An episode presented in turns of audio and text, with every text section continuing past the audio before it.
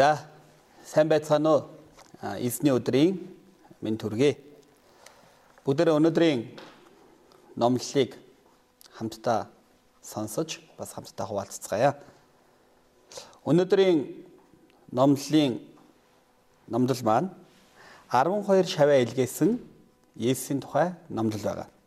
Марк 6 дугаар бүлгийн 1-ээс 13, гол ишлэл нь 6-гийн 7.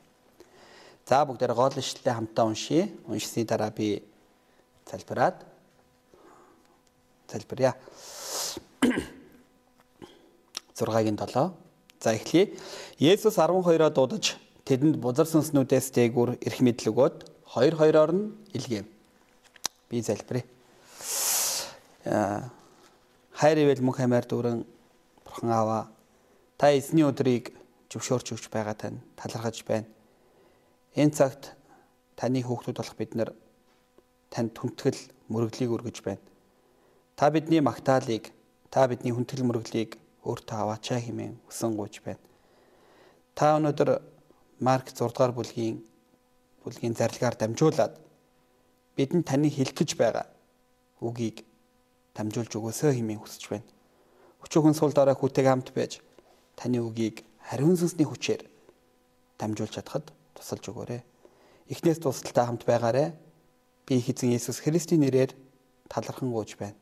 Амен.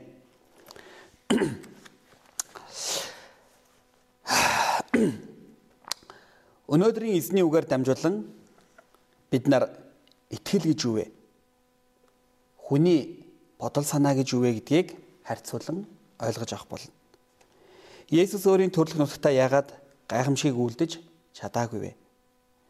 Яагаад омог бардан байж тэдэнд бурхны талаар сайнаар тунгаглаж дамжуулж чадаагүй вэ? Яагаад гэвэл тэнд хүний санаа бодол болон муу ёрийн сүнсний хүч ноёрхож байсан юм. Гэхдээ шавнар нь энэ үйл явдлаар дамжуулан бурханд найддаг болон ариун сүнсээр дүүрэн байх итгэлийг сурж хожим гайхалтай агуу баярын мэдээний түүхийг бүтээж чадсан билээ.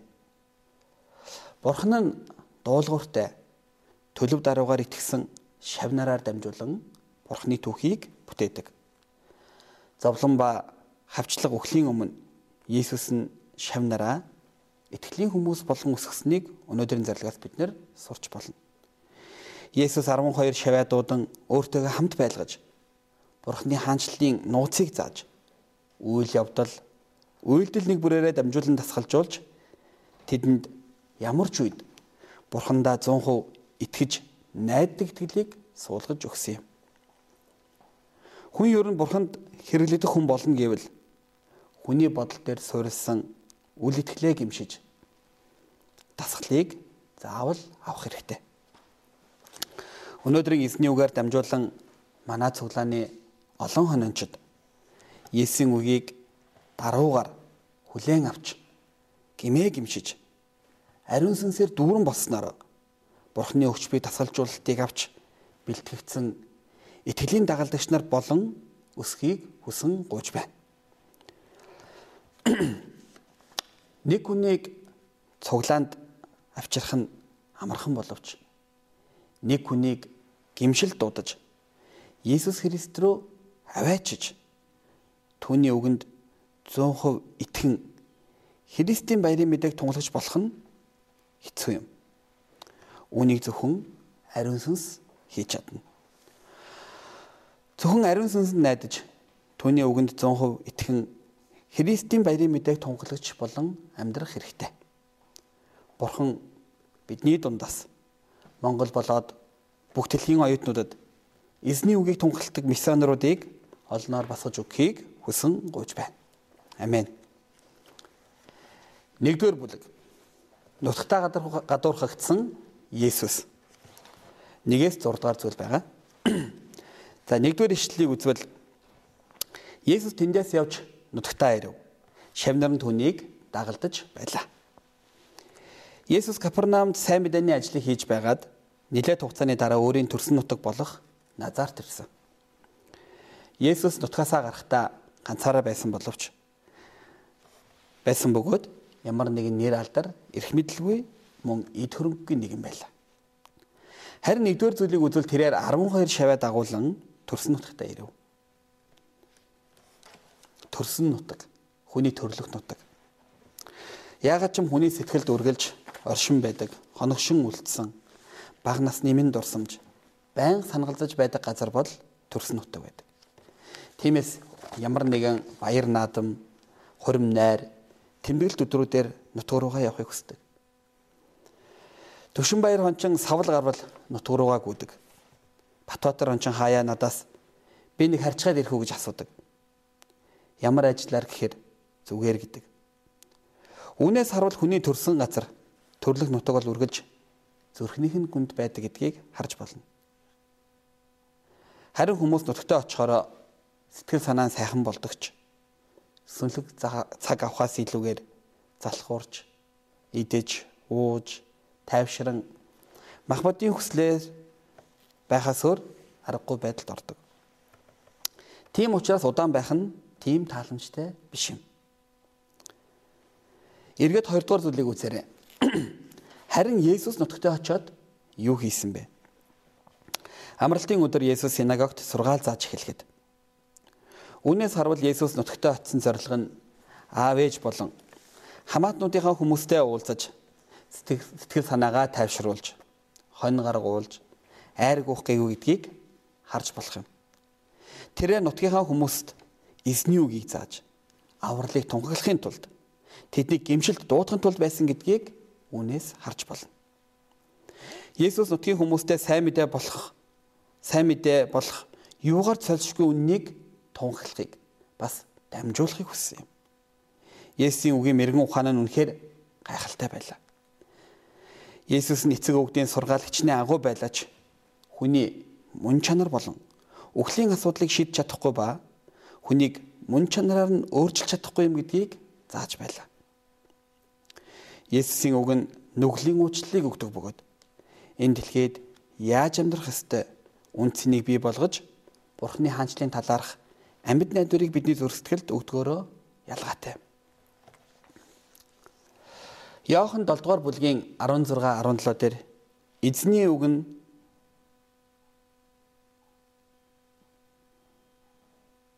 Эзний үг нь энэ үгийн мэрэгэн ухаан бол Бурханаас ирдэг зүйл юм гэж хэлсэн байдаг. Нутгийн хүмүүс нь Есүсийн үгийг зааж байгааг сонсоод төөрний мэрэгэн ухааныг хараад гайхсан. Мөн түүний үлдэж байгаа хүчит гайхамшгуудыг хараад гайхан дуалтсан. Тэд үгээр дамжуулан Есүс зөвхөн Бурхны амлалтын дагуух Месиа гэдэгт итгэх ёстой байлаа. Тэгээд нутгаас нь Месиа төрсөнд баярлан хөөрч тосгондоо баяр хийж түүнийг угтаж авах ёстой байлаа. Харин тэдний хариу ямар байсан бэ? Хоёрын бэ 3 дугаар зүйлийг үзвэл хоорондоо хаанаас энэ хүн эдгэрийг ав? Түнд ямар мэрэгэн ухаан заяасан юм бэ? гараас нь ямар хүчит гаймшгууд гарна вэ? Эн чинь Маригийн хүү мужаан биш билүү? Яков, Юсеф, Юдэ, Симон нарын ах биш билүү? Түүний охин дүү нар бидэнтэй хамт байгаа биз дээ гэж түнд бүдрэн ундуц. Тэд Есүст итгэж болох олон баталгаа гаймшгуудыг нүдэрээ харж чихээрээ сонсож түүний эрх мэдлийг амссан. Гэвч тэд болохгүй үнний өмнө зөвхөн хүний оюун ухаанаар хандсан. Үгүйсэж болохгүй үнний өмнө хүний оюун ухаанаар хандсан. Тэд өөрсдийн дүнлэлтэндээ баригдсан байсан учраас Есүсийн гадаад байдлыг л харж дүгнсэн. Мөн Есүстэй өөрсдийгөө адил хэмээн үзэж бардамнан Есүсийг Месиагаар хүлээн авахыг хүсээгүй юм а. Эндээс бид нар дараахыг сурч болно. Хүний бодол тэднийг бардан болгосон бөгөөд тэдний сүнслэг нүд таагдахад хүргэсэн гэдгийг харж болно. Үнэн дээр Израилийн ард түмэн нь бусад ард түмнийг бодвол агуу их ивэл, ерөөл, онцгой эрх мэдлийг авсан гэдгийг бид нэр Библиэс олон удаа харсан. Харин тэд нар хүний бодлоос болж, бардам зангаасаа болж, үл итгэлээр Христийг загалмайдаар цовдлон гимнүглийг үлдсэн. Үүнээс харуул хүний бодол санаа нь сайн мэдээний хамгийн том дайсан болохыг мэдэж болно. бид хэн нэгэн хүнийг ямар нэгэн үйл явдлыг харахтаа хүний нүдээр харах эсвэл сүнслэг нүдээр харах боломжтой байдаг. Ямар нүдээр харах вэ гэдгээс хамаарч үр дүн нь өөрчлөгддөг. Хүний нүдээр харах үед зүрх сэтгэл бардам болж Бурхны хийж буй ажлуудыг шүүн түүнд талархал өргөх сэтгэлгүй болдог. Библийн түүхээс харвал Есүсийн дагалдагч Искариотын Юдас Мариагийн бүх зүрх сэтгэлээ зориулан байж Есүсийн хөлийг хөл дээр үнэр тосоо тосороо тасалж үсээрээ арчих үед хүний нүднээр харснаас болж өрн таран хийж байна хэмээн ундуудсан.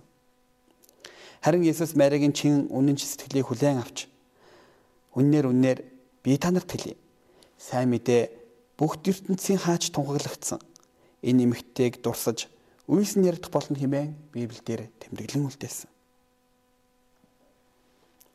Есүс нь нутгийн хүмүүсийн бардан байдал ба үл итгэлийг харан ийхүү хэлсэн. Есүс тэдэнд иш үзүүлэгч нь төрлөх нутаг төрөл садныхаа дунд болон гэр ихнээсээ өөр газар хүндлэгдэхгүй байх нь үгүй гэж альдав. Тэгээд тэдний үл итгэлээс болоод ямар ч эрх мэдэл байхгүй үйлдэхгүй харин хэсэг өвчтөе хүмүүсийг л эдгэж өгөх үйлдэлийг хийсэн юм. Тэдний үйл хэлээс болж Есүсийн хүч хязгаарлагдсан биш бөгөөд Есүс гайхамшигыг үйлдэх гэсэн хүсэл нь хязгаарлагдсан юм.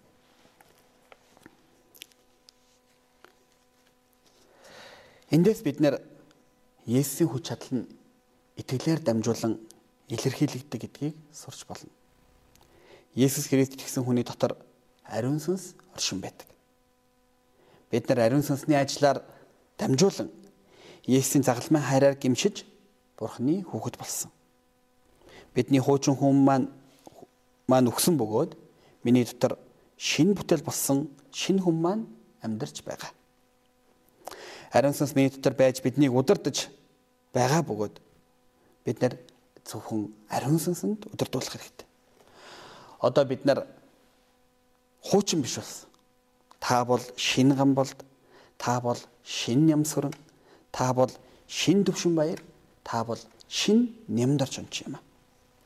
Тиймээс бид нар шин хүмүүс болсон учраас Бурхны хүүхдүүд болсон учраас бидний амьдрал дахь бүхий зүйлийг Бурхны хүүхдийн бодол санаагаар харж хандаж хүлээн авч итгэж найдаж бас дуулууртай даган амьдрах хэрэгтэй юм.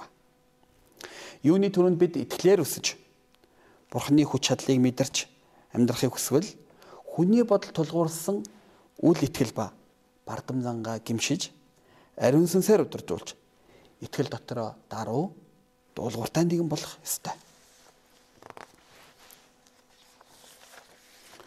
Бид ариун сүнсээр дүүрэн биш үед сайн мэдээг тарааж хүмүүст үл тоогдох юм уу гадуурхагдвал сэтгэлээр унаж юу ч хийх хүсэлгүй болдог. Миний хувьд анх Солонгост очоод нэлээд их пишин хийдэг байлаа. Нүдэн дээр минь намайг ядуу буруу орны хүн эсвэл Есүс чин гих зэргээр үл тоон дамжуулсан урилга болон сайн мэдээний ишлэлийг минь хогийн савнд хаях үед үнэхээр их уур хурж ингэн ингэн хийх чижтэй химээ сэтгэлээр их ундаг байлаа. Тэр үед Ханян Сентагийн Йошуанч надад таныг ядуу буурай орны хүн эсвэл хэл муутай гэж ингэж хандаж байгаа биш бөгөөд угаасаа Есүс болж гагцхүү тэр үннээс болж инхэн бидэнд өгөгдсөн хэмээн намайг тавьшруулсан. Шаналх хэрэггүй. бөгөөд угаасаа бидний эзэн загалмайн үхлээр өөхөх хэмжээний зовлон авч орхигдсон гадуурхагдсан энэ юу ч биш хэмээн намайг тайтгаруулсан.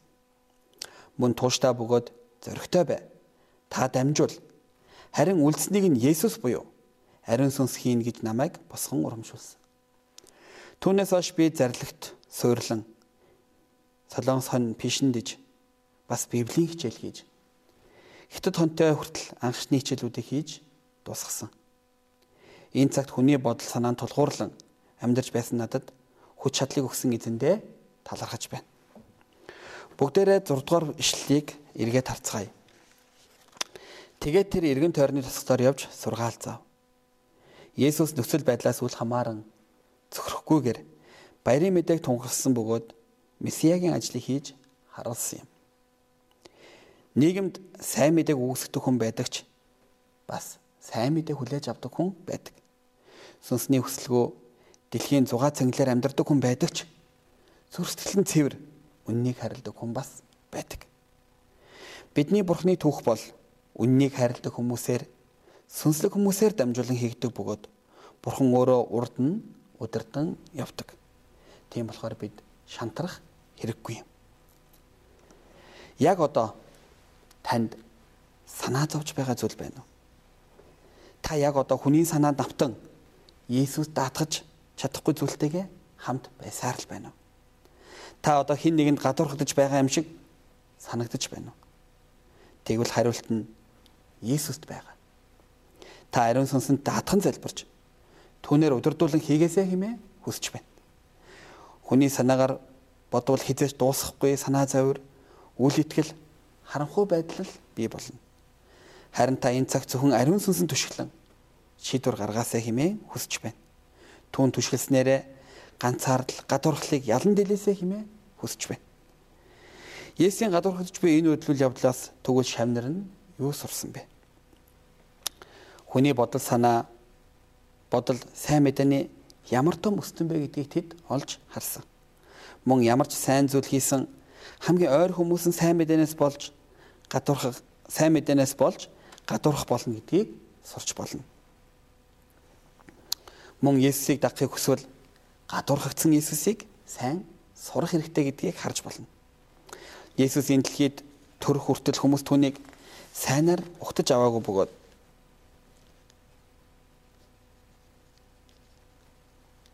аваагүй бөгөөд Есүс бидний гэмээс болж энэ амьдралаас гадуурхагдан загалмаа дээр орхигдсон нас барсан. Библиэлд иш үзүүлэгч Исая ингэж хэлсэн. Тэрээр хүмүүс жигшигдэн орхигдсон. Өвчин зовлон мэдгч зовлон шаналлын хүн ажээ. Түүнээс нүүр буруулж тэр жигшигдсэн бөгөөд бид түүнийг даанч стожээ. Мөн 1-р Петр 2-ын 4-дээр инх хэлсэн. Тэр бол хүмүүст гологдсон боловч харин бурхны өмнө сонгогдсон үнэт чулуу билээ гэж бичигдсэн байдаг. Бид өдөр бүр бурханд хэрэглэгдэх сүнслэг удирдах болохын тулд хүмүүсээс ирэх хүндлэл магтаалаас илүүтэйгээр өдөр бүр өөрийгөө үгүйсгэж Бурхны зарлаг дуулууртай байж дараа төлбийн хаан гадуурхагдсан Иесусыг сайн сурч амьдрах хэрэгтэй. Үүнийг сайн сурал бид харьцуулах сэтгэл, үзэн ядах сэтгэл, өөрийгөө голох сэтгэлийг дийлж өдөр бүр Иесустэй хамт баяр хөөрөөр дүүрэн амьдралаар амьдарч чадна. Энэ цагт манай синтад өөрийгөө үгүйсгэж өдөр бүр царлыг дуулууртаа дагдаг хонончид олноор төрөн гарна гэдэгт итгэж байна. Мөн хүний санаа бодлоор биш зөвхөн ариун сүнсний хүслийг биелүүлж даалгаж өгсөн сайн мэдээний ажлыг илүү сайн хийж чадахыг хүсэн гуйж байна. Хоёрдугаар хэсэг шав нарын дасгал. 7 дугаар зүйлээс 13 дугаар зүйл. Дасгал гэж юу вэ? Сүнсний удирдагч болохын тулд авдаг дасгал гэж юу вэ? Есүс ургац их боловч ургац сурах ажилчин байхгүй байгааг хараад ургац сурах ажилчдыг бэлтгэж эхэлсэн. Есүс 12 шавийг тосгод руу явуулсан шалтгаан нь нэгдүгээрт шав нарт бие даасан итгэлийг суулгаснаар зөвхөн түүнд найддаг ургац сурах ажилчин болгон өсөхийн тулд байлаа. Хоёрдугаарт хоёр хоёроор нийлгээж шав нараар дамжуулан бузар сүнсийг зайлуулах эрх мэдлийг өгөхийн тулд байсан юм. 7 дугаар зүйлийг үзээрэй. Есүс шав нараа 2 2-оор нь илгээсэн. Эндээс харуул Бурхны түүх нь хамтран хийдэг түүх бөгөөд ганцаараа хийх үедээ бэрхшээлтэй тулгарвал амархан сатаанд ялагдах аюултай гэдгийг урьдчилан харсан. Түнчлэн 2 2-ороо явбал бие биенээ урамшуулж босгон байгуулах бөгөөд хамтдаа нэгдэн залбирч ариун сүнсээр дүүрэн байх боломжтой юм. Номлогчийн үгс 4-ийн 9 10 дугаар зүйлийг үзвэл ганцаараа байснаас хоёул байх нь илүү дээр билээ. Тэгвэл тэдний зүтгэл сайнаар хариулагдах болно. Хэрэг тэд хамтдаа очих аваас нэг нөгөөгөө босгоно. Харин ганцаараа байхч унахад түүнийг босгох хүн үгүй тул хөөрхий. Хамтдаа хамтран Бурхны ажлыг хийх ёстой бөгөөд хамт үнсэх заавал хэрэгтэй гэдгийг зарлиг бид нарт хэлж байна. Мөн Матай 18:19-ыг үзвэл би та нарт дахин хэлье. Та нараас хоёрчин ямар нэгэн зүйлийг гуйх талаар газар дээр санаа нийлбэл Тэнгэр дэх эцэг минь үүнийг чинь тэдэнд үйлдэх болно гэжээ. Үүнээс бид нар хамтын залбирал болон хамтын үйлчлэл нь ямар нандин заавал хийх зүйл болохыг бас сурч болно.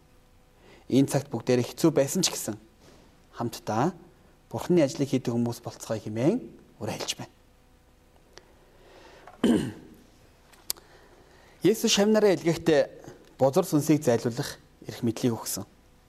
Бурхны ажлыг хүчтэй амтай хийхин төлөө сатаны хүчийг ялах сүнслэг эрх мэдлийг аван өсөх хэрэгтэй. Эфес 6-гийн 12-ыг үзвэл учир нь бидний тэмцэл бол мах цусны эсрэг биш. Харин энэ энэ хүү харанхуй ертөнцийг захирагчид эрх мэдэлт хүчнүүд Тэнгэрлэг оршуудах ёрын муу сүнслэг хүчний эсрэг билээ хэмээн тодтогчээ. Бид нар хамтдаа залбирч ариун сүнсээр дүүрэн байвал муу ёрын сүнсний эрх мэдлийн өмнө ялагдахгүй. Манай цуглааны уламж болсон өглөөний залбирал, гуйлтын цаг, хамтын гуйлт, сэтгэгдэл, намтар, пишинхийг цагуудаар дамжуулан бид улам илүү Христ рүү өсөж ямар ч муу ёрын сүнсний өмнө Христийн эрх мэдлэр тунхаглаж ялалт байгуулж чадах юм аа. Энэ цагт бид нар дээрх аргуудаар итгэлийн сайн тэмцэл хийж бүрэн бие даасан ургац зураг ажилтаар өсөж чадахыг хүсэн гуйж байна. Одоо бүгдээрээ 8 9 дугаар ишлэлийг хамтдаа үзцгээе. Есүс тэдэнд тушаан аян замда таягнаас өөр юу ч талахч, хүүдийч, хитвчэндээ зоосч бууав. Харин шахаага өмс цамц давхарлаж бүү өмс гээд гэж тушаав.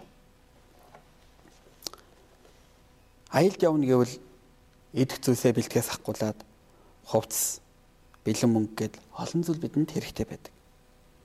Гэтэл Есүс сайн мэдээний аялд явж байгаа дагалдагч нартаа юу ч битгий авч яв гэж хэлсэн. Яагаад ингэж тушаасан бэ? Энэ нь бүрэн төгс бурханд түшиглэх итгэлийг заахын тулд юм. Ургад сурах ажилчин хончноор амьдран гэвэл бурханд 100% түшиглэхээс өөр аргагүй юм. Анх Солонгос мишоноор хончид үнэндээ ядуу байсан болохоор юу ч байхгүйгээр итгэлээр дуулууртай даган мишоноор явж байсан түүхүүд олон байдаг. Харин ихэнх том цуглаанууд сар бүр цалинг нь араас нь явуулдаг бөгөөд байр машин хүртэл гаргаж өгдөг. Тиймээс зарим тохиолдолд сайн мэдээний ажилд үйлчлэхдээ эд материалыг түшиглэх юм уу? Хүний түшиглэхээсөөр аргагүй байлд ороход амархан. Мөн итгэгч хүмүүс хит өнгө мөнгөнд шунаж амьдрах үед бурхны ажлыг хийж чадахгүй болдог. Мөнгөтэй хүн мөнгөний зовлонг ойлгохгүй бөгөөд олон хувцастай хүн ганц нэг хувцастай хүний зовлонг ойлгохгүй. Гаднаас нь шүүж амьдрах болдог. Цаашлаад бурханд найдахай болдог.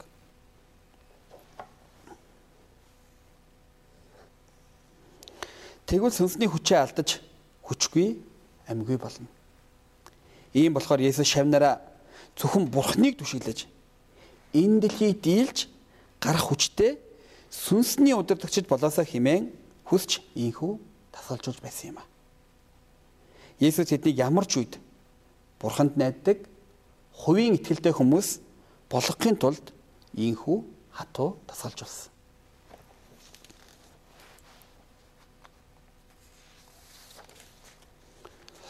Миний мэдх нэг хончин шинэ машин авчгаад Сантагаас хол газар машинаа тавьчихдаг байлаа.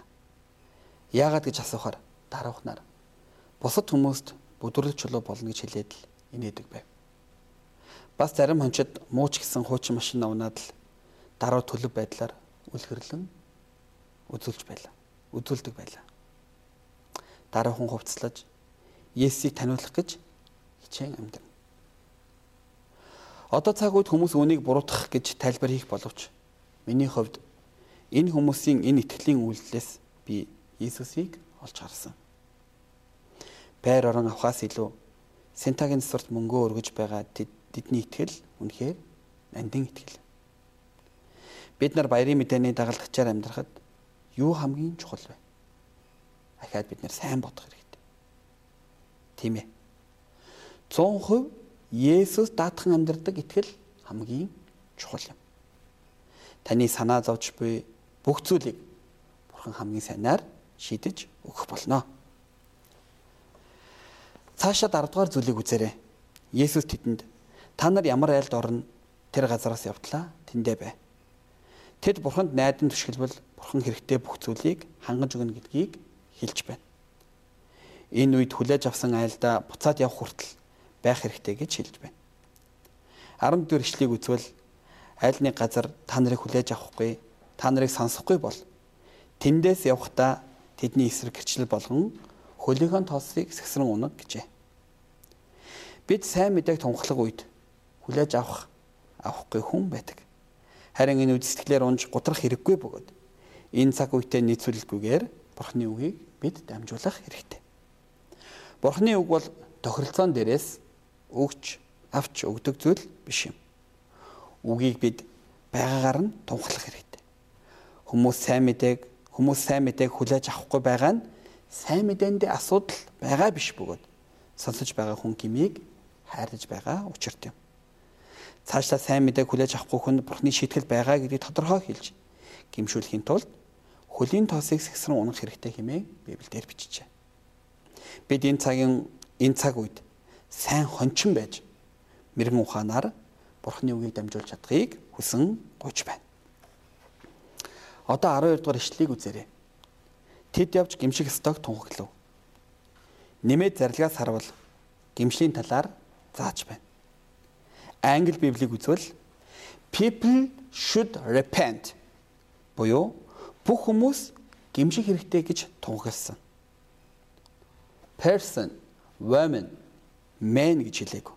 People буюу бүх хүмүүсийг оролцуулчихсан.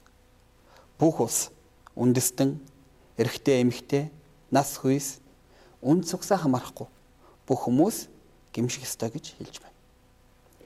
Ром 3-ын 23-ыг үзвэл бүгд нүгэл үлдсэн тул Бурхны алдар сүрд хүрдэггүй авч гэжээ. Бид нар сайн мэднэ гмийн үр дагавар маш ноцтой. Хүн бол гмээс болж махан биеийн үхэл биш. Сүнсээр бас үхсэн. Бид сул дорой учраас гимтэй хамт байж гмийг өгшүүлэн амьдардаг. Хэрвээ гимшихгүй бол гим нь дараа дараагийн гмийг төрүүлэн гаргадаг. Аажим аажмаар бурхны зарлагаас холдуулан жинхэнэ үннээс биднийг төөрөгдүүлдэг. Энд хэлж байгаа жинхэнэ үнэн нь бол бурхны үг юм. Энэ цагт бүгдээрээ өдөр бүр зарлагаар гимшиж үнэн болсон зарлагаар дүүрэн амьдарч чадахыг хүсэн гуйж байна.